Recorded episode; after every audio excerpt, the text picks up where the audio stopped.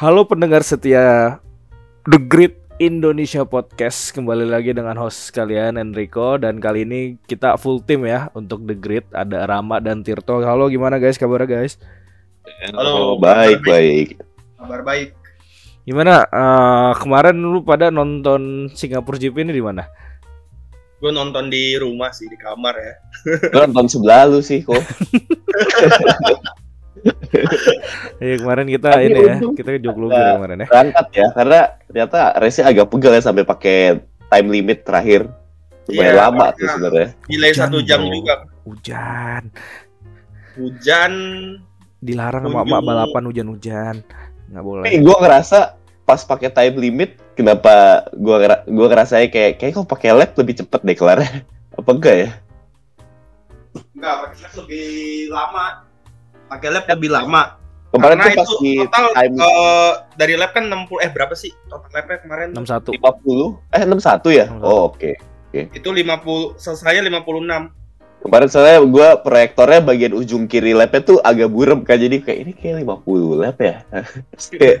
Kenapa jadi tambah 30 menit kok jadi lama? Ternyata 60. Enggak. Ya lama sih kalau 60 sih. Gak wet race aja Singapura tuh salah satu balapan terlama. loh.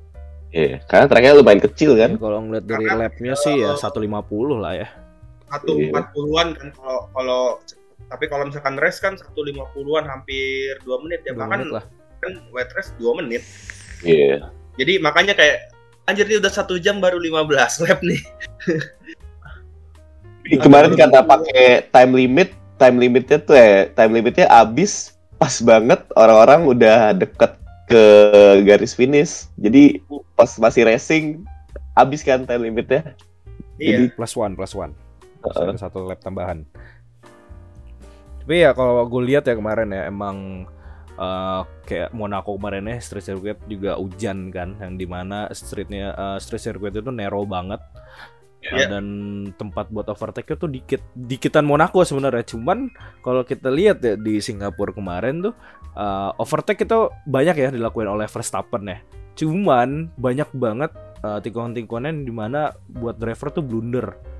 Karena ya abis straight line lu langsung slow speed corner yang di mana lu mesti tahu lah kapan lu harus gebrek kan. Dan banyakan driver itu pada kayak ah gue pengen coba uh, late braking gitu kan. Dan nggak semuanya bisa.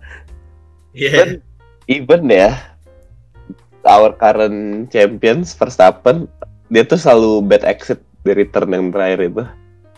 Makanya dia susah banget waktu lagi battle sama Alonso. Kemarin waktu nonton kan kameranya kan jauh banget dari atas ya. Jadi kan langsung kelihatan tuh eh ya, eh, berasa banget bad exitnya si Verstappen kemarin. Tapi karena Alonso defense-nya bagus juga gak sih? Iya sih. Verstappen tuh nyari-nyari celah ke mana-kemana nggak dapet. Ya, karena Akhirnya kayak- susah sih ini. Akhirnya kayak bad exit atau gimana. Karena kalau gue lihat juga kemarin yang di turn terakhir itu lu minimal banget kalau misalnya mau overtake pakai DRS ataupun no DRS gap lu tuh mesti 0,3 bener-bener 0,3 baru bisa lu ngovertake di turn turn one ya soalnya itu susah banget buat uh, ngambil tow itu benar-benar susah. Atau enggak lu bakal dapat dirty air? Dan itu bikin lu tambah lebih jauh dari driver di depan lu. Dan mobil lu harus Red Bull gitu? Enggak ya? Enggak dong.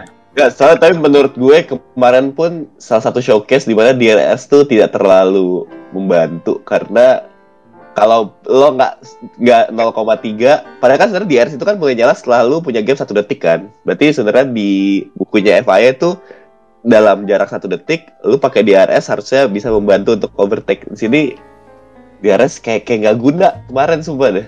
Waktu ngelihat Leclerc sama Perez di depan tuh kayak sampai nyerah kan Leclerc juga. Nggak Ya, terlalu ngasih yang gede. iya. Benar benar. Itu juga gue Ya. lihat sih kemarin. Jadi menurut kalian nih race-nya ini boring atau ada sesuatu yang beda nih Dari awal sampai sampai lap 30-an jujur boring. Cuman eh, mulai seru ketika eh, setengah ke terakhir itu. Ketika ketika ada VIA tim-tim- ketika ada safety car Nah, iya itu ketika ketika Sunoda DNF ya. itu dia. terparah dia By the way kemarin semua yang Asia kena semua ya. Pembalap Asia Albon kena, Iya, gitu. Sunoda kena, Unoda kena. Zhou kena. Eh, apa namanya tuan rumah mau salah kontinent. ini kan ya technical difficulties kan ya. Bukan karena nabrak tuh ya. Apa siapa siapa? Si Zo, Zo nabrak apa technical difficulties kena lupa ah, ini kan kena Latifi. Ditabrak sama Ono Latifi. Oh, iya itu itu kayak technical difficulties gak sih? hitungannya hitungannya eh, Latifi stupid it was the engine, sometimes it was the TV. bener kata Frederick Vasseur ya kalau lu nggak DN kadang DNF kadang safety car kadang Latifi itu bener Bener-bener lah emang. Ya blunder parah itu juga karena gue gak tahu ya spionnya di upgrade apa enggak sih kemarin. Nggak tahu sih gue. Percuma Pakai TV harus di upgrade deh. drivernya yang harus di upgrade sih Williams maksudnya untuk musim depan nggak bisa Bis. in duit duit Nutella mulu nggak bisa Ini juga sih eh, kemarin kita juga ngelihat salah satu inilah ya implementasi weight race ya di dalam season 2022 di F1 ini. Di street circuit malahan. Lu hujan street circuit yang di mana eh, mobil-mobil ini tuh kayak kalau kita lihat dari Monaco kemarin tuh jelek banget kan untuk performa di weight race-nya. Cuman kalau misal kita lihat dari race kemarin adalah beberapa overtake yang di mana kayak lu ngeliatin mereka nih uh, un- uh, late braking cuman lu kayak mikir ini lock up nggak ya? Ini lock up nggak ya? Cuman enggak kan?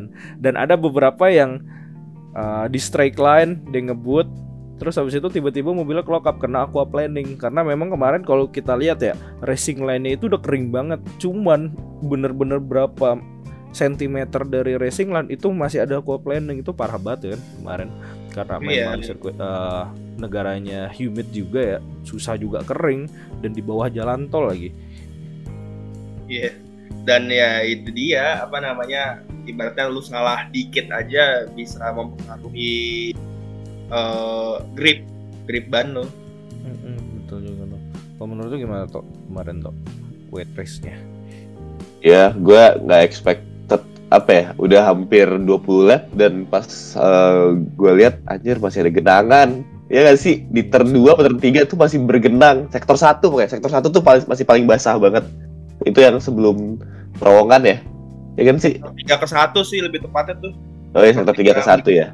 Iya, sektor 3 menuju sektor 1. Itu genangannya parah banget dan orang nggak apa ya para driver tuh nggak ada yang mau ngambil chance untuk overtake sama sekali padahal di track ini itu tuh nggak banyak tempat di mana lo bisa kayak dua mobil samping-sampingan gitu Wheel to wheel.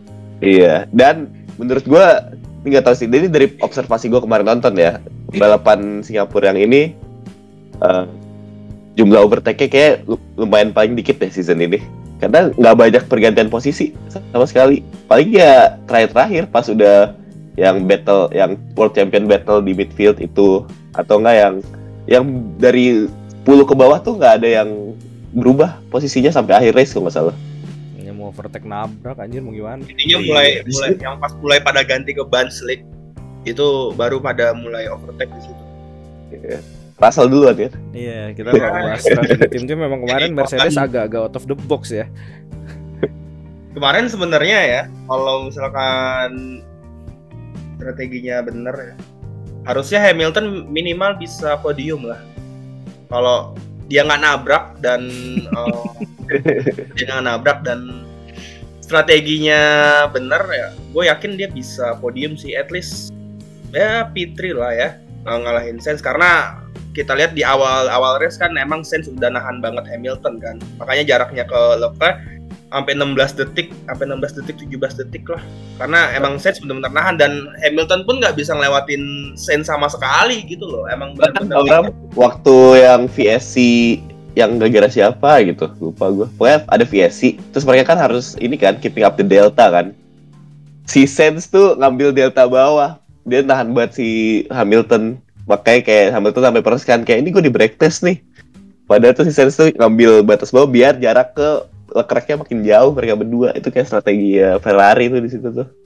Iya ya emang kalau dari kemarin sih kita lihat emang Sainz nggak terlalu kelihatan ya karena emang posisinya lagi nahan untuk Hamilton biar Leclerc-nya makin jauh gitu kan biar nggak ketinggalan. Dan gue lihat juga Hamilton nggak melakukan overtake sama sekali deh kayaknya ya se sepenglihatan gua gitu ya, sepenglihatan gua selama nonton dia nggak nge-overtake mobil sama sekali deh kayaknya.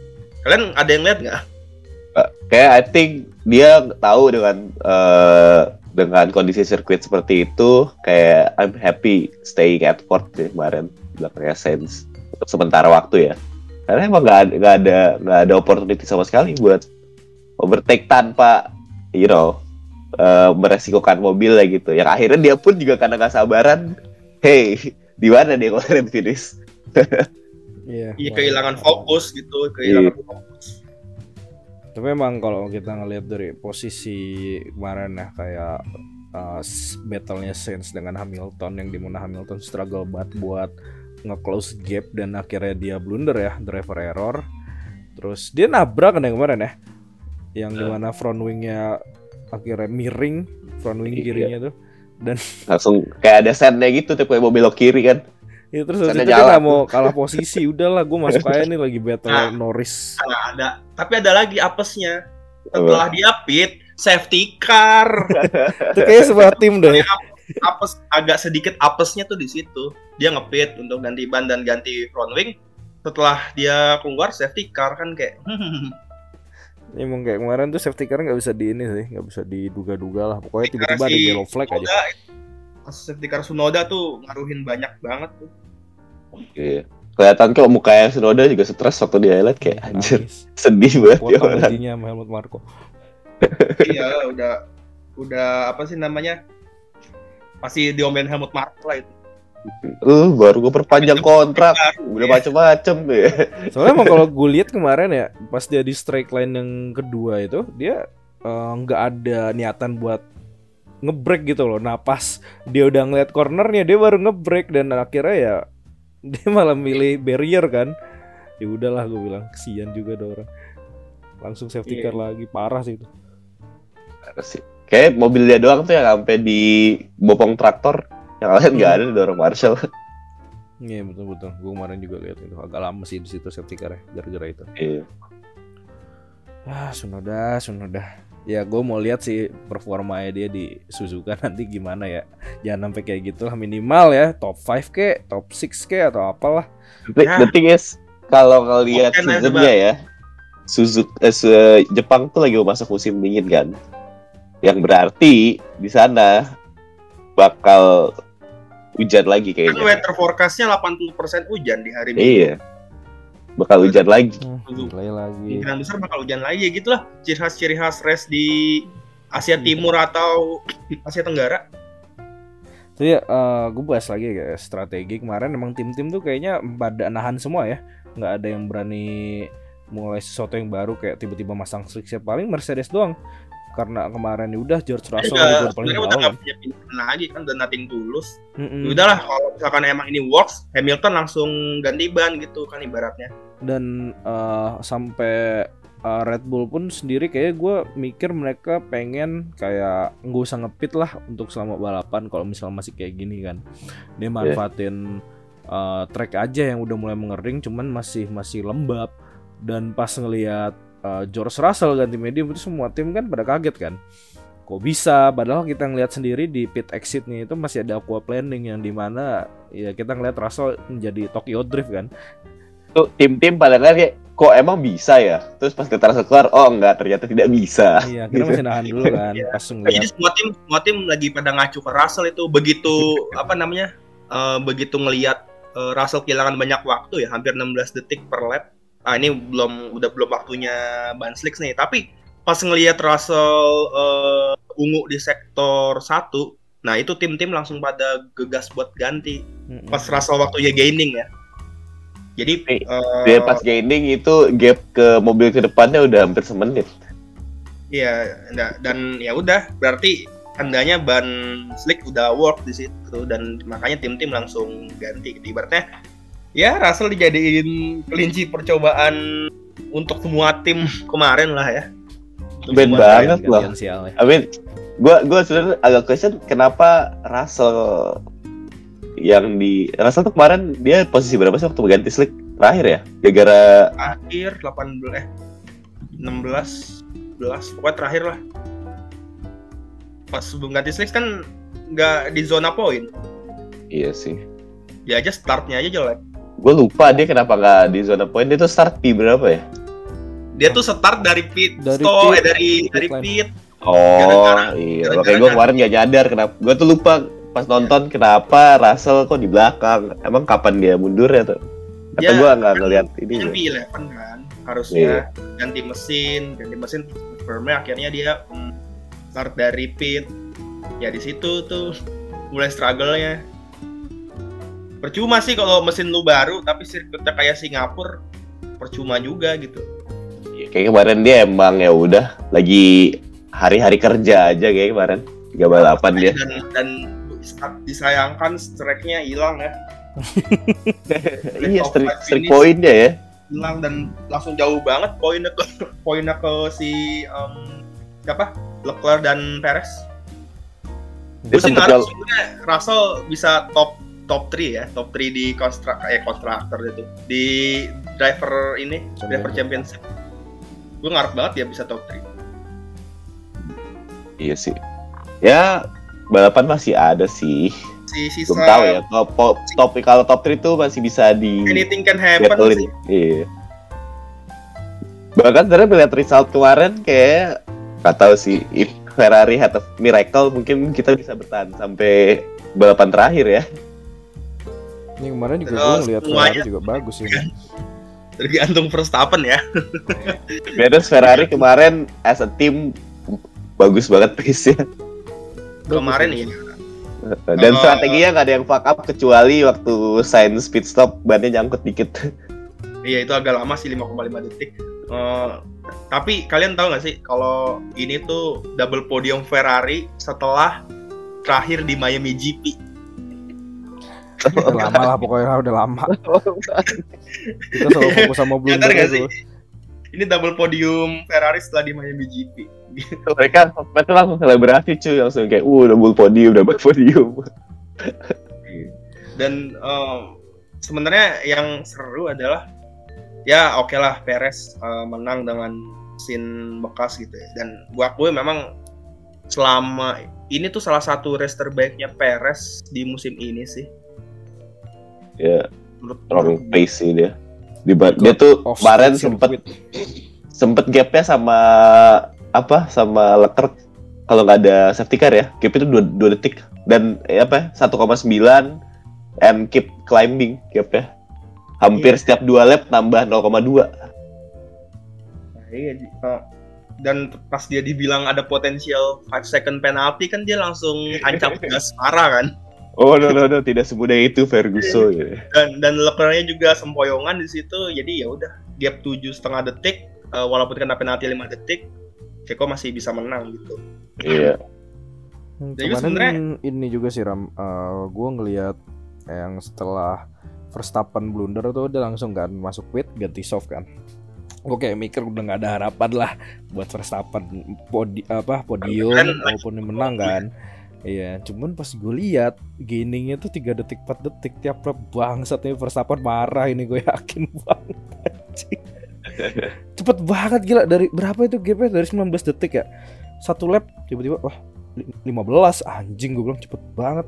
Tapi ya kayak ulti dia itu on fire berarti mm, tapi ya tetap dia eh, ketahan ini kan di Magnussen ketahan di restrain jadi ya susah sih emang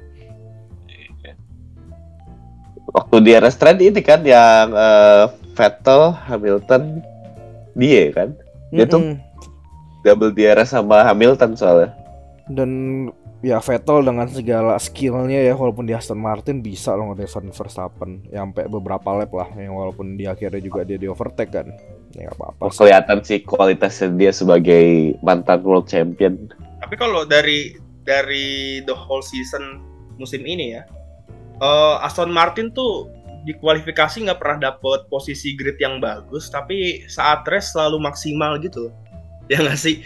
Ibaratnya Apakah ada tiba-tiba bisa- yang dilanggar Hmm. Iya, bisa ya walaupun kita bisa akui bahwa mobilnya nggak terlalu cepat tapi strateginya bagus gitu loh dan Vettel dan Stroll kan dua-duanya bisa ini kan apa namanya punya tire manajemen yang bagus kan. Iya. Itulah kelebihannya. Kalau lu punya dua driver yang punya yang dua-duanya punya tire manajemen yang bagus. Musim depan punya Alonso. Beuh. Nggak nggak pit stop ntar. kita lihat nih musim depan Aston Martin bisa apa? Harusnya ya kalau dari segi potensi harusnya Aston Martin bersaingnya tuh sama McLaren dan Alpine kan. Iya. Tapi sekarang malah bersaingnya sama Alfa Romeo dan Haas gitu. Bahkan Williams. Kayak ini tuh bukan levelnya Aston Martin. Iya. Hmm. Tapi kita selalu ngobrol kayak gitu gak sih Ram? Kita selalu mikir kayak Aston Martin tuh nggak punya alasan untuk jadi lower midfield. Cuman somehow sekarang kayak bahkan Williams ya. Lalu kan bahkan ma- masih sering apa namanya kadunya sama Williams gitu kayak kenapa gitu. Ya gitulah ya walaupun timnya katanya over budget ya. Hmm. Tapi tidak ada. Oh ya kalau Red Bull ibarat- ibaratnya kalau kita logika ya kalau kalau Red Bull over budget oke lah ada ada ada outputnya gitu mobil yang paling cepat gitu kan ya. Iya. Kalau Aston Martin Ada pengaruhnya nggak sih sama 2021 ada pengaruhnya nggak sih sama kayak oke Red Bull kan over budget tapi mereka tuh sometimes suka ngeluarin inovasi-inovasi yang kayak ya udah bikin sendiri gitu. Tapi kan karena mereka kan nggak tahu ya. Sebenarnya Red Bull tuh hitungannya manufacture team gak sih? Karena ini kan klien eksklusifnya Honda ya ya selain Alfa Tauri. Dan mereka punya itu Helmut Marko. Sedangkan kalau Aston Martin walaupun over budget mereka kan sebenarnya kan buyers team kan. Jadi sebenarnya nggak banyak yang mereka lagi inovasiin juga walaupun mereka baru bikin pabrik dan lain-lain ya. Belum belum belum apa ya belum belum belum online lah jatuhnya. Masih menuju gitu. Iya sih. Maksudnya kayak kalau misal kita ngeliat kapasitas untuk uh, Aston Martin sekarang ya masih inilah uh, tertahan lah ya dengan segala uh, infrastruktur yang dia punya dan dia manfaatin. Yaudah kita ngeliat aja deh tim mana yang uh, desainnya itu bisa ngasih advantage seberapa detik gitu loh. Jadi juga kalau nggak salah tuh di rear wingnya itu kemarin uh, di upgrade juga kan buat ngurangin apa kemarin ram lupa ram upgrade-nya si rear wingnya Aston Martin pokoknya itu adalah kayak buat ngurangin drag sebenarnya cuman berpotensi untuk nambahin dirty air juga ya kan? Makanya kan mereka benar-benar improve banget nih di season ini. Sampai infrastruktur mereka jadi. Dan gue kaget juga sih dia masuk juga ke dalam investigasi yang di mana ada tim tahun lalu tuh ngelakuin over budget. Tim setara Aston Martin loh. Yang ya gue belum tahu sih ya kapasitas budget mereka tuh seberapa besar ketimbang Red Bull yang di mana udah ini banget di F1 udah tenar banget lah. satu 145 capnya kan ya? Oh, tahun ini. Ah. nah, iya, iya 150 kalau nggak salah. Kok 155 ya? Kayak 145 deh. Kalau buat tim F1 kayaknya segitu kecil. Which is berarti sebenarnya kalau masih bisa over budget kayak anjing duit lu dari mana? Iya, maksud gue duit lu boleh banyak, cuman sekiranya gitu loh, sekiranya tuh eh, upgrade yang didatangkan tuh sesuai gitu loh sama filosofi mobil lu. ya Jangan kayak Has, Has ngeluarin duit baik banget buat upgrade malah bikin lambat aja mobilnya. Ya, khas tuh khas tuh ya. Dari dulu problemnya adalah eh mereka kan buyer Steam kan. Mereka tuh melakukan upgrade, tapi somehow upgrade yang mereka tuh ketika disatukan di mobil tuh nggak kohesif.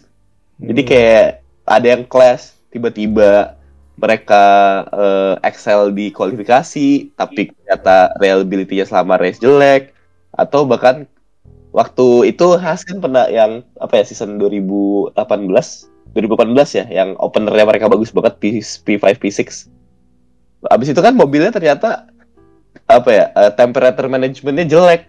Karena ya itu mereka bayar Steam mereka ngambil yang oke ini bagus. Ternyata eh, sayap yang ini bagus terus kayak eh, konfigurasi yang ini bagus tapi somehow cara satu car keutuhan nggak works gitu untuk race Mm-mm, betul, betul.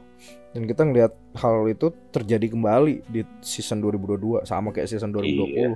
Sis ya pas awal kayak wah Has is finally back bla bla bla All about the Snyder ship eh sampah lagi. Iya. Ya, Kalau mereka itu. punya budget buat upgrade juga kan. Sih. Nah, mereka salah spending budgetnya sih sejujurnya menurut gue. Oh enggak sih, ada satu penyebab gara-gara Mick Schumacher crash mulu, Habis di situ budgetnya. habis di situ. Karena Ah, dikritik dikritik Steiner mulu dari kemarin. sangat disayangkan. Dan ngomong-ngomong- potensial gitu. Ngomongin Mick Schumacher ya, kayaknya posisi jadi Deddy Haas bakal terancam deh kayaknya ya. Soalnya Gun- Gunter Gunter Steiner bilang ke pihaknya Mick nih belum ada omongan perpanjang kontrak sama sekali. Kayak udah males juga sih ya. Mick ya dengan Steiner gitu dari kemarin dikritik mulu bukannya di support soal. Udah capek juga orang-orang. Eh, Mick Moya langsung masuk Ferrari aja deh. Dianya begitu mulu buat apa juga? Yang ada toxic positivity gak sih? Tapi oke, gua gua mau nanya deh kalian deh. Menurut kalian kegagalan Mick untuk mencapai ekspektasi di Haas itu problemnya emang dianya tidak belum siap sebagai driver atau ada masalah dengan kayak ternyata mobilnya Haas tuh emang hard to drive juga. Menurut gua ya harusnya eh, Mick nih dikasih kesempatan ke tim midfield dulu nih. Kita lihat di situ sih harusnya di situ. Iya. Karena menurut gua Haas itu bukan em, apa ya namanya? Bukan tim yang bagus untuk eh, ya oke lah kalau lu satu musim dua musim tapi kalau misalkan tiga musim ke atas bukan mobil yang bagus untuk perkembangan karir lu gitu loh. Bukan tim yang bagus untuk perkembangan karir karena kita tahu sendiri kan Haas nggak begitu kompetitif kan. Betul Ya, betul. inti, intinya di situ. sih. Tapi sebenarnya Ram,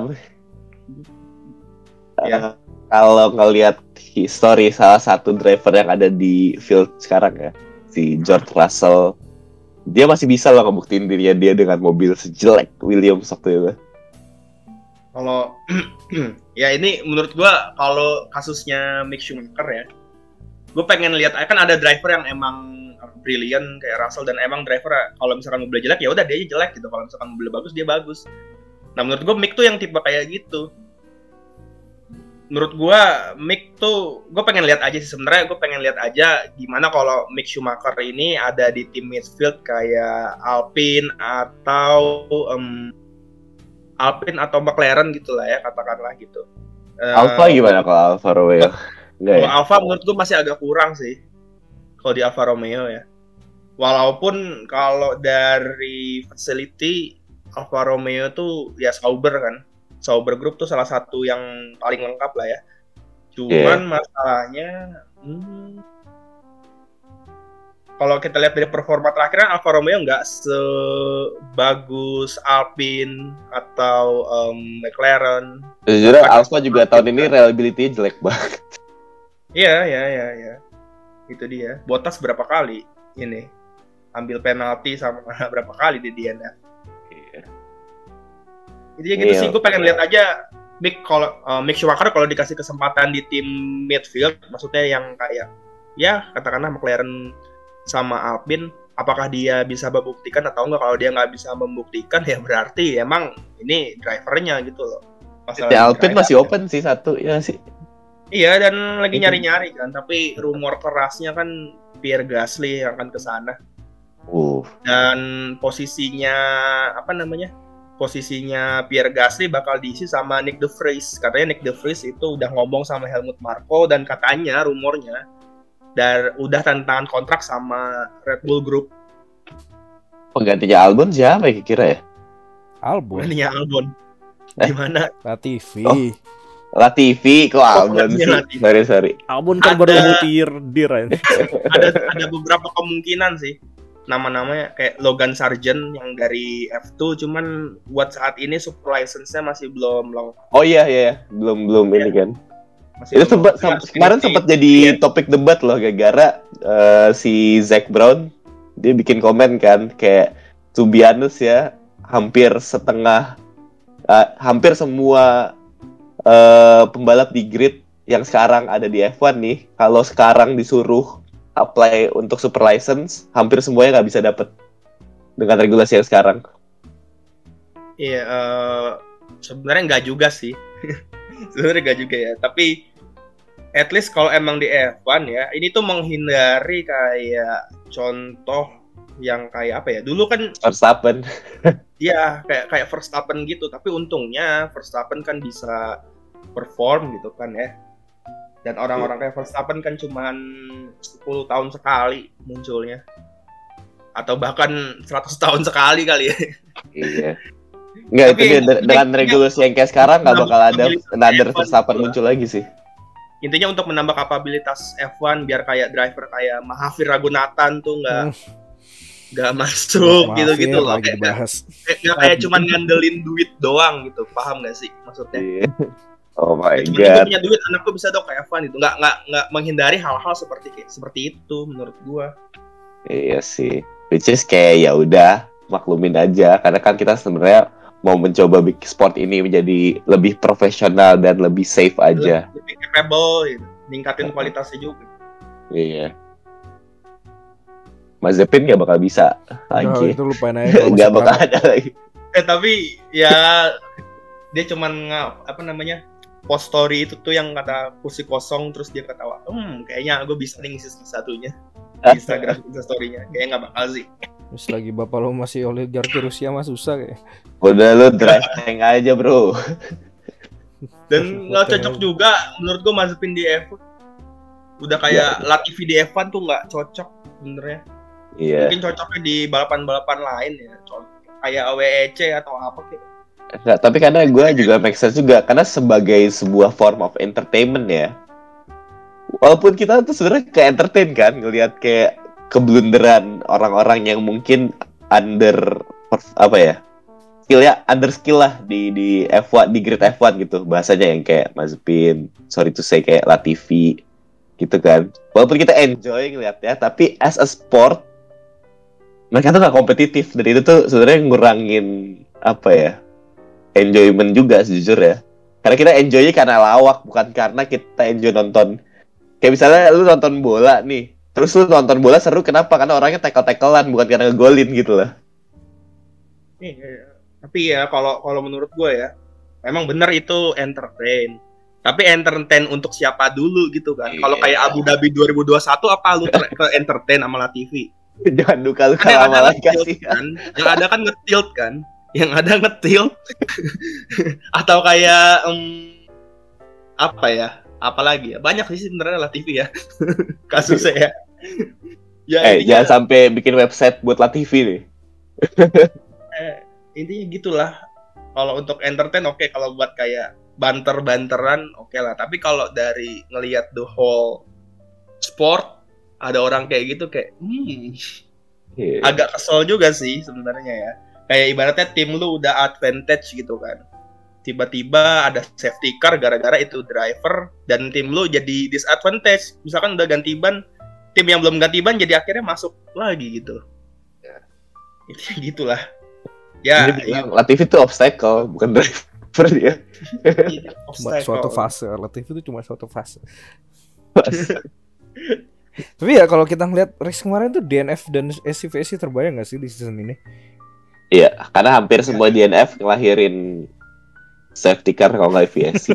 Iya, Dan itu ada jadi- 6 DNF. Iya, ciri khas ciri khasnya street circuit lah ya. Iya tapi parah banget itu kemarin.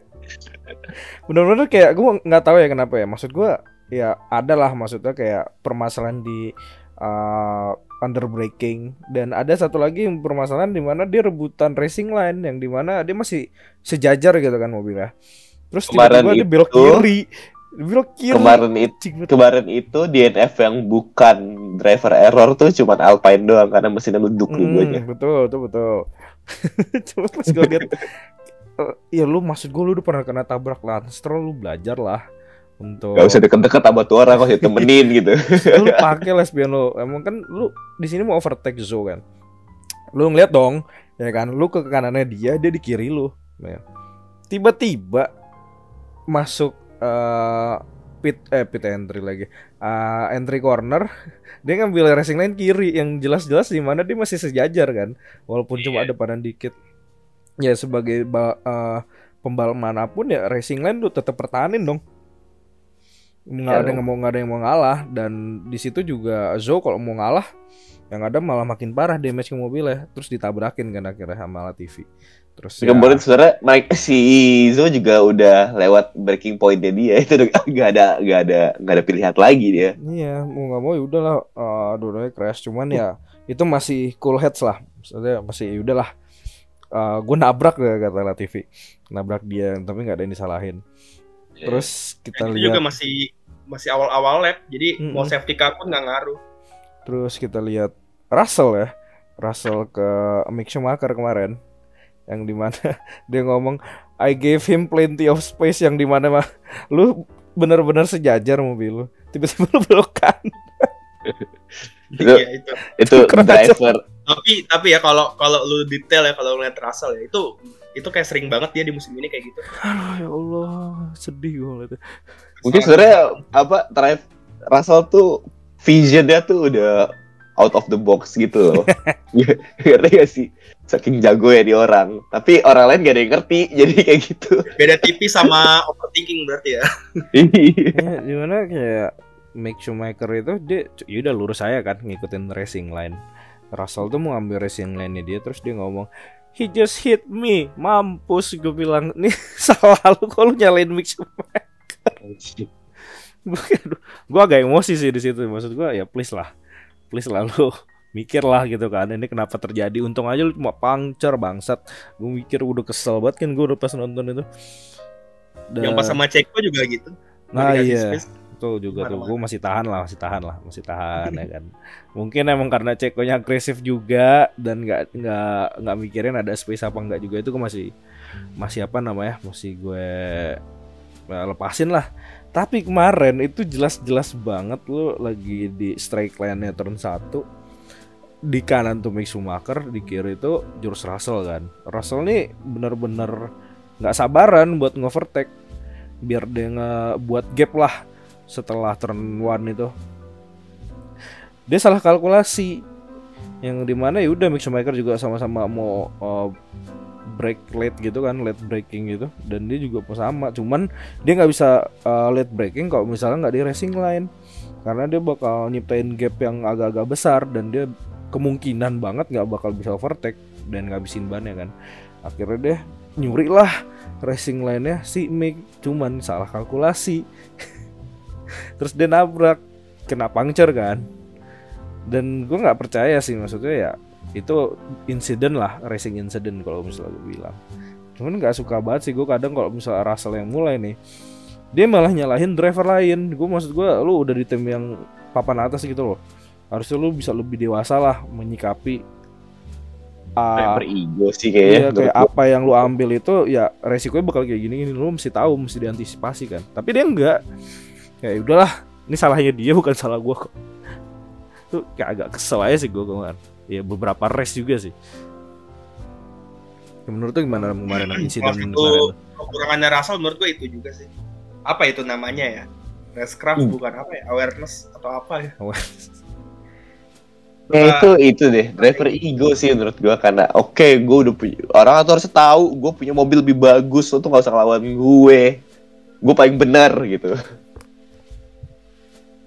Kayak lu nyingkir dong, mobil gue lebih Iya. cepat nih. Ya, tapi kan iya iya ini racing gitu.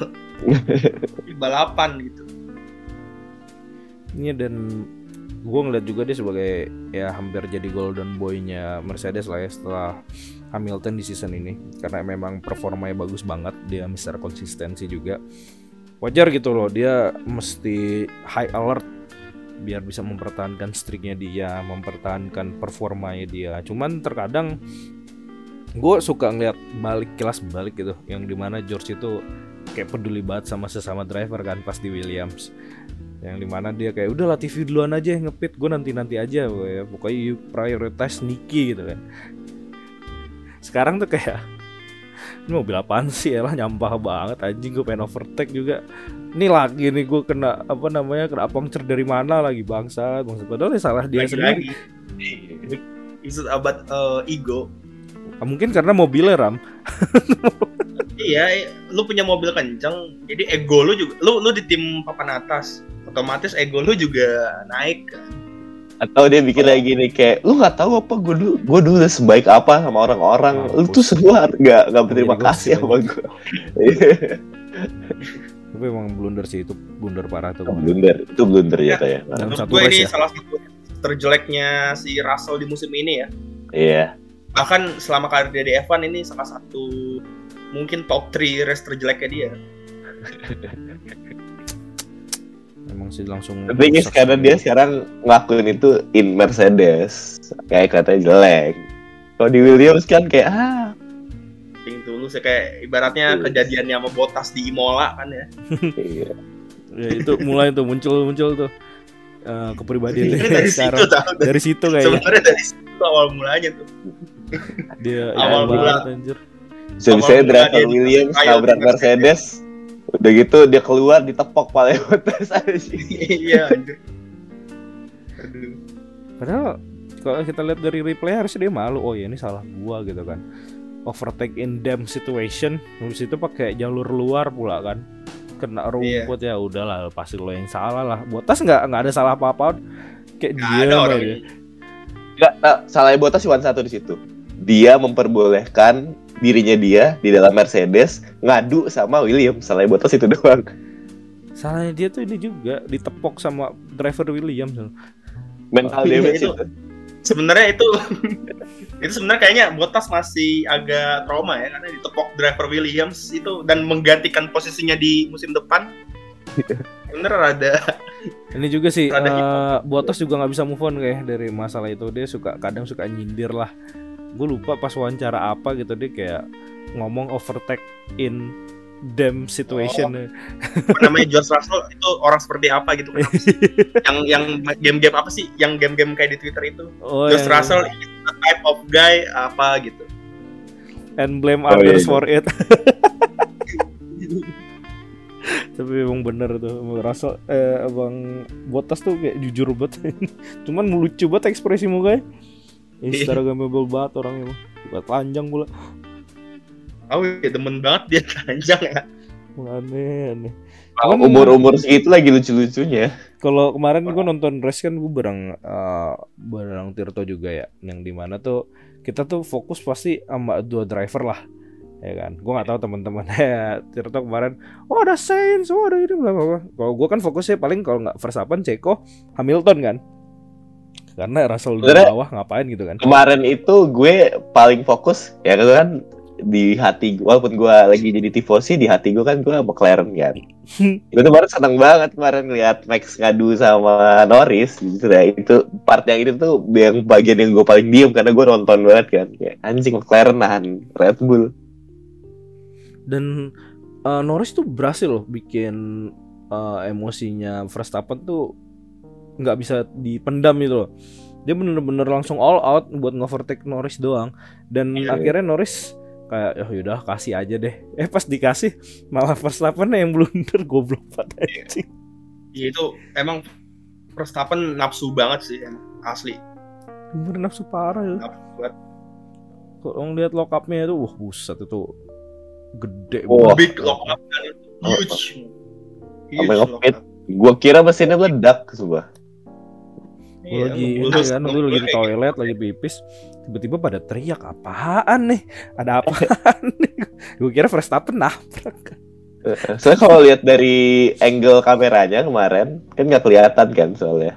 Soalnya bener-bener asapnya tuh langsung kayak itu campuran antara dia lock up, abis itu masih lembab, terus masih ada air, jadi nguap airnya dan lain-lain. Oh itu smoke tuh gede banget kemarin. Hmm, ini sih emang di se- beberapa sektor itu masih benar-benar aquaplaningnya masih kelihatan jelas di kamera. Iya. Dan kalau gue ngeliat lagi overtake yang blunder si Hamilton sih. Uh, ada dua kali ya dia blunder ya. Yang pertama dia pengen overtake Sainz. Terus yang kedua tuh pas uh, lagi sama siapa tuh? Gue lupa yang bertiga itu di restrain ya. Oh Hamilton sama Verstappen, iya di Mestrin. Yang di mana uh, Hamilton sendiri blunder nih. Dia mau nge-overtake apa mau defend gitu loh. Dan akhirnya dia kayak nyerah buat nge-attack tapi dia mau defend juga bingung. Akhirnya dia banting kiri. Sebenarnya persis kayak di baku tahun lalu anjir bentukannya, nggak bisa belok dia. kalau dia di kameranya tapi dia udah abisin tapi bannya nggak belok udah. lock juga itu yang malah lebih mirip Verstappen sih dari baku Iya, tahun kemarin ini kan magic break Cuman emang ya Magic kalau banget. aku lihat ya blundernya Hamilton kemarin emang karena panas juga ya sirkuitnya ya. Dan uh, Panas tapi basah gitu. ah, gerah gerah gitu loh. Aduh, nyebelin betul. kata Helmut Marko, kata Helmut Marko si Verstappen kan pas start kan jelek ya. Hmm. Dia salah salah mode mesin katanya. Waduh. Salah Bisa aja. mobil keren banget pas start. Sampai ke lempar ke posisi 12 kan dari 8. Iya. betul. Iya. Tapi kalau misal mode mesin gitu emang awal drivernya nyeting atau emang dari engineer-nya sih yang ngasih tahu? Eh, kita kan ada tahu yang kan dari kan? engineer, ada yang dari driver. Itu kan preferensi. Hmm. Iya. Ya mungkin Ada takutnya mungkin dia. drivernya juga, mungkin race engineer nyuruh ini setting-setting ini terus Verstappen mungkin salah pencet gitu. Kan bisa terjadi kayak gitu. bisa bisa itu bisa terjadi. Cuman yang kemarin kalau gue lihat gue kira bakal jadi Super Max lagi ternyata ya Mad Max bedanya. Red. Ini ini Verstappen musim 2019 2018 ini. Iya Itu Mad sih. Max banget itu pas dia ganti soft langsung keluar emosinya semua cuman ya lu lihat dong ada DRS train depan lu ya bakal susah sih jadi kita udah pada ikhlas lah sebagai fans Red Bull ngelihat Verstappen di mana P7 kemarin ya Lagian juga susah kok possibility buat menang di Singapura. Iya. Walaupun Max Verstappen menang pas fase lap, Charles Leclerc nggak harus eh, finish di bawah rank 8. Which is kemarin Leclerc kayak almost perfect drive. Cuman pegel aja dia. Ini apa namanya balapan sama Perez. Iya. Ya jelas itu ya baik slow speed cornernya tuh itu tuh malas gue juga main game F1 juga aduh anjing gue habis ngebut ya kan lagi build momentum Di Suzuka Berhenti mungkin ya. tiba-tiba babi WDC Suzuka nggak mungkin ya. ah Suzuka win hmm kita lihat Suzuki aja nanti. nih, kalau kalau Verstappen menang plus fase lap udah auto juara di situ. Udah itu. Oke. Walaupun si Leclerc juara Kayaknya dua. Possibility, possibility lain. Hah? Iya, walaupun Leclerc juara dua. Oh, Tapi ya kita balik lagi ke omongannya Verstappen setelah juara dunia kemarin sih menang lagi itu bodos menurut dia. Ya, kalau misalnya Iya. emang masih kayak gitu mentalitasnya ya udah ya paling nothing tulus lah. Masih ada Udah, sampai kayak berapa enjoy race aja. lagi. Ah, enjoy aja udah nggak ada yang dipermasalahin lagi. Gak pressure. Iya. Andaikan misalkan tahun 2021 dia nggak menang, mungkin musim ini pressure dia. Kemarin Karena kalau gue lihat sih ya habis dia lock up diganti ban mungkin tuh biar dapet jatah malam lah ya. Biar dapet poin, dapet jatah malam lah. Tiba-tiba kalah kan. Wah, langsung ngambek ceweknya. Mbak Kelly. Eh. Tapi denger-denger ya, denger-denger ya si itu kan eh, Perez kan eh, investigation penaltinya kan diinvestigasi dulu kan abis selesai balapan kan. Heeh. Katanya itu dari istrinya ya, biar dia nggak party kayak di Monaco ya. Biar dia ditunda dulu kemenangannya. Nggak gitu anjir. Makanya investigationnya after the race. Director penalti nggak lu? Tapi emang Gunanya udah di- kalau misal gue lihat ya banyak fans F1 tuh kayak kenapa sih harus diinvestigasi setelah kan? Maksudnya lu punya teknologinya gitu buat ngecek langsung, buat nganalisa langsung. Tapi bikin fans tuh mikir-mikir nih dapat penalti apa enggak?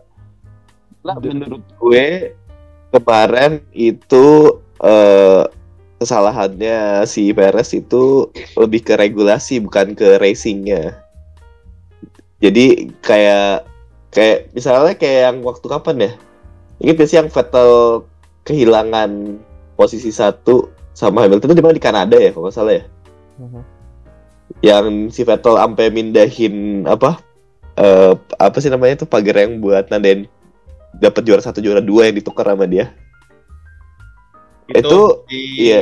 si Vettel sama Hamilton. Iya, Itu kan- di mana ya lupa gua. Kanada kan itu, itu Kanada. Kanada ya, Kanada. Itu tuh penalti yang langsung direct penalti terus dapat kayak 5 second atau apa gitu. Itu biasanya berhubungannya sama eh, aktif aktivitas yang lo lakuin during the race yang ngaruh ke balapan. Kalau kemarin kan Yang sebenarnya hubungan lebih ke lain. Iya, kalau yang kemarin itu kan lebih kayak si dia tuh hampir banget disclose untuk eh, nyalahin regulasi dari FIA-nya gitu. Nggak nggak pas balapan gitu. Gimana ya? Gitu deh. Ngerti kan maksud gue? Ya enggak intinya kenapa harus investigation dulu after the race itu harus ada klarifikasi dari drivernya dulu Kenapa lo Driver- ya driver harus ke ruang BK dulu kan kemarin Perez habis eh, podium kan dipanggil Iya. jam setengah 12 waktu Singapura berarti ya tengah malam dipanggil ke ruangan Padahal- FIA Lagi dandan gitu mau party kan. Eh, bro. Sini dulu ya. Anjir. Tapi ya kalau misal gue lihat dari kemarin ya boring sih. boring. Gue kayak ya sama kayak Monaco kemarin delaynya itu nyebelin dan ya sebenarnya eh, sesuai ekspektasi sih bakal banyak yang DNF, SC dan VC itu bakal keluar. Cuman kan kita nggak tahu ya crash bakal kayak gimana kan. Ternyata lebih baik blundernya ketimbang permasalahan technical issue-nya gitu kan. Gue kira juga Ferrari bakal meledak lagi mesinnya karena memang dia sepanjang weekend ini bagus dari free practice dan qualifying juga. Dan ternyata ya udah mereka bisa mengatasi masalah tersebut. Dan strategi mereka ya fine fine aja mereka main aman gitu loh. Cautious. Iya. nunggu. Which is sangat jarang dari Ferrari ya. hmm, gitu loh. Dan kalau gue ngeliat Red Bull juga mereka juga cautious juga karena memang lagi weight race juga kan. Keadaan nggak bisa ditebak dan mereka masih ngelihat radar ini bakal hujan lagi apa enggak gitu kan masih panik-panik dikit lah. Tapi ya gue sih nggak ada masalah sih sama eh, hasil race kemarin ya. Apalagi Ceko yang eh, safety car infringement yang di mana udah kelar juga 5 second penalty.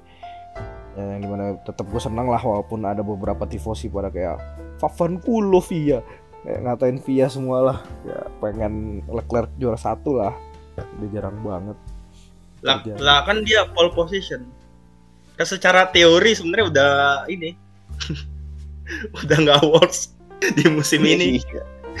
I give you pole position, you give me win. apa? Setiap pole position dia kagak menang. Cuma sekali di mana ya? Yang di pole position menang. Sama ya? sih. di mana sih? Aduh gua sampai lupa kan di Austria aja dia menang nggak pole position. Pole Di Austria position menang tuh gara-gara dia hoki juga di Austria. Dia mobil Kenapa, udah kenapa? perfect banget dia harus har- kalau misalnya dilihat orang-orang kan mobilnya bisa aja meledak kan pakai essence. Cuman ya masalah dia di di kelas pedal ya kan kalau salah. Iya. ya berharapnya Ferrari tahun depan bisa lebih bagus reliabilitasnya dan sama performanya. Iya semoga musim depan Mercedes juga bangkit ya kita ngeliat Iya. tiga tim teratas battle lagi nabrak nabrakin lagi nyalain orang lagi ya seru sih Ya. Tambahin lah Wah, McLaren juga gitu. Leclerc. musim depan serius seru kayak menarik banget ya sih Eh, Iya. ngelihat Pi- Piastri Norris ngelihat mm, gimana Aston Martin nantinya Ingat Nick De Vries eh, gimana. Mercedes up keep up dengan kesalahan mereka di musim ini. Waduh. Ngelihat apakah Hamilton masih bisa kompetitif kalau misalkan dikasih mobilnya yang katakanlah kompetitif. Nah, tahun depan dia masih orang percaya kayak ayo Hamilton WC WDC lagi atau ada ini orang kenapa nggak pensiun dah gitu. si Hamilton bilang ke Toto Wolff gue punya lima tahun nih what you gonna do? Kayak udah lu lanjut di Mercedes gitu. Eh retire, iya gitu. Dan katanya eh, kalau ada kontrak di atas kan Hamilton kontrak di Mercedes sampai tahun 2023 ya musim depan. katanya perpanjangan kontrak di atas tahun 2023 itu bukan hal yang tidak mungkin Iya sih. Iya. tapi ya gue jujur ya gue pengen banget eh, Hamilton bisa juara dunia lagi juara dunia ke-8 gue pengen banget setelah Ini itu rekor ya. Itu rek- siapa siapa Kalau yang juara itu kayak rekor terakhir yang dipecahin deh ya. Iya rekor terakhir yang dipecahin dia udah menang kemenangan terbanyak podium terbanyak apalagi pole position terbanyak menang Iya. Iya, pole position terbanyak dia. fase lap terbanyak cuman nggak masih dipegang Michael Schumacher gue pengen aja sih setelah itu mau rekornya dipecahin Verstappen semua juga gue bodo amat dah ya itu buat Sudah masanya gitu ya. udah buat season depan lah ya nih ada lagi nggak nih yang mau dibahas nih? Buat informasi-informasi Apa dikit atau apa? Informasi Ah, mungkin Upgrade Apa upgrade ya? ada nggak sih Ram? Bakal dibawa Ram? Bakal rumor-rumor Suzuka mungkin. Kalau upgrade upgrade ya gitu-gitu aja. Kemarin kan Norris pakai sideboard baru kan yang Iya. mirip mirip uh, Red Bull dan Ricciardo nggak dapet upgrade gitu-gitu aja sih sebenarnya musim ini musim ini kalau ngeliat upgrade udah nggak seru lagi karena tim-tim udah mulai fokus ke berhenti berhenti nge-research buat upgrade sih karena udah mau akhir musim juga kan Mm-mm. The race tinggal dikit juga. hmm, rasanya udah tinggal dikit jadi buat apalah mendingan fokus eh, segala resource untuk musim 2023 dan update ada lagi update kecil sih nanti di eh, free practice 2 Suzuka sama di USA GP itu diperpanjang 30 menit jadi 90 menit total. Oh buat ban ya? Ban Pirelli. ya Pirelli buat tahun 2023 dari USA apa Vegas? Kan Vegas mah musim 2023 Oh, USA bukan lah. musim ini ya? Kota kota Texas Texas. Cota gue gue gak sabar banget mau lihat Cota sih. Seru nih. Apakah ada Shaq O'Neal lagi? Paling paling yang menarik eh ya itu rumor-rumor driver siapa driver Alpine Itu masih agak lama sih ya. Iya. kalau gue bilang. Tauri. paling sisa tiga doang kan ya iya kursi. Eh, Dan Alfa Romeo nasibnya gitu ah Mick Schumacher belum jelas nih nasibnya di F1 bisa bisa katanya sih ada rumor ya Haas itu pengen ngambil Kevin Magnussen sama Giovinazzi buat eh, driver kedua mereka nemenin Hulkenberg eh Hulkenberg nemenin Magnussen. Kira Magnussen awal musim wildcard sekarang malah jadi dapat kontrak lagi ya anjir. Ini ya. Ya emang ya sebenarnya siapa lagi sih yang kalau Haas pengen ngambil driver ya siapa lagi selain Kevin Magnussen sih? Driver Amerika sih? Driver Amerika siapa? Colton Herta itu kayak ke- kemarin ada gue lupa sih Colton namanya Herta. siapa ya. Iya. Herta. Colton Herta tuh nggak cukup license dan udah nggak mau diambil Red Bull. Tadinya mau diambil Alfa Tauri. Karena mengingat market Amerika cukup berkembang dia pengen Iya. ngambil driver Amerika tapi tahun depan ada tiga loh GP di Amerika. iya makanya itu. At least ya Williams bisa lah kalau mau ngambil siapa ya. Sargent kan Amerika. Iya Logan Sargent ya udah ambil aja Logan Sargent kalau lo mau ini market mah Williams Italian Jesus. Giovinazzi Giovinazzi. Inannya sih. kayaknya dia udah enough sama F1 dia gak mau balik ke F1 lagi deh lagi nyaman dia Ya nggak tahu sih. Coba kita tanya kali ya buat Iya, ntar coba gue DM deh ntar coba DM aja nanti. Siapa tahu dia mau dateng kan. Ketemunya Rossi KW lagi. Udah bu. Eh, untuk episode kali ini itu aja kali ya. Eh, Iya. Buat informasi-informasi nih eh, terkait dengan live report, dengan rumor-rumor ataupun upgrade yang akan datang ya. Misalnya di race ke depan boleh banget dicek Twitter kita di gimana Ram? Twitter kita di @thegrid underscore id Dan kalau misalnya buat eh, kalau gue kan sendiri megang Instagram ya, yang di mana gue live report lah biasa kalau misalnya ada nobar dan ada meme lucu yang gue temuin di Facebook, gue repost di situ. Di Instagram kita tuh di the grid F1 underscore ID boleh banget dicek dan di follow guys dan boleh banget nih buat kalian kalau misalnya ada kritik dan saran ataupun ada informasi-informasi tambahan ya mengenai race ke depan boleh banget DM kita ataupun eh, nge-tweet lah di Twitter kita juga. Kita uh, appreciate banget buat kalian-kalian yang mau memberikan informasi. Uh, nanya-nanya juga boleh, cuman kita jawab seadanya aja lah ya. Karena kita Betul, kita jawab kalau kita sempat dan kalau baca aja kalau kita sebut terutama di YouTube di YouTube kita ya The Ya, di Grid YouTube Indonesia belum ada yang megang soalnya guys. di The Grid Sama- Indonesia kalian bisa dengar podcast ini juga dan di Spotify The Grid Indonesia Podcast Ya kayak sih kan di YouTube sih ya, ketimbang di podcast eh, di Spotify ya. Sama guys, jangan lupa loh guys, karena minggu karena Suzuka itu most probably masuk ke timeline kita sebagai fans Indonesia untuk bisa nobar. Kita kita biasanya nih untuk orang-orang yang sekitaran Jakarta nih, kalau mau stay tune untuk informasi kita biasanya bakal ngadain nobar sih. Minggu, Nggak, minggu depan ya. Kita kan datang lah. tesnya jam 12. Iya, apalagi jam 12 siang kan tuh. Nobar Jadi jam kalian 12 mungkin ya. siang. Wow. Iya, Seperti puasa. tungguin kemarin. infonya ya guys. Pokoknya stay tune. Kita akan ngadain nobar lagi. Kayak susah tuh nomor jam 12 anjir. Eh, Minggu cuy, hari Minggu. Orang ngapain hari Minggu jam 12? Cak Wine. Boy masih kerja. Hari Minggu siapa yang kerja? Udah korporat masih freelancer yang PNS kan tuh kerja tiap hari Nah, kan kalau freelancer kan you are your own boss lah. Yaudah lah, yaudah lah. Ah, itu aja kali ya guys ya. See you on the next race. Bye bye.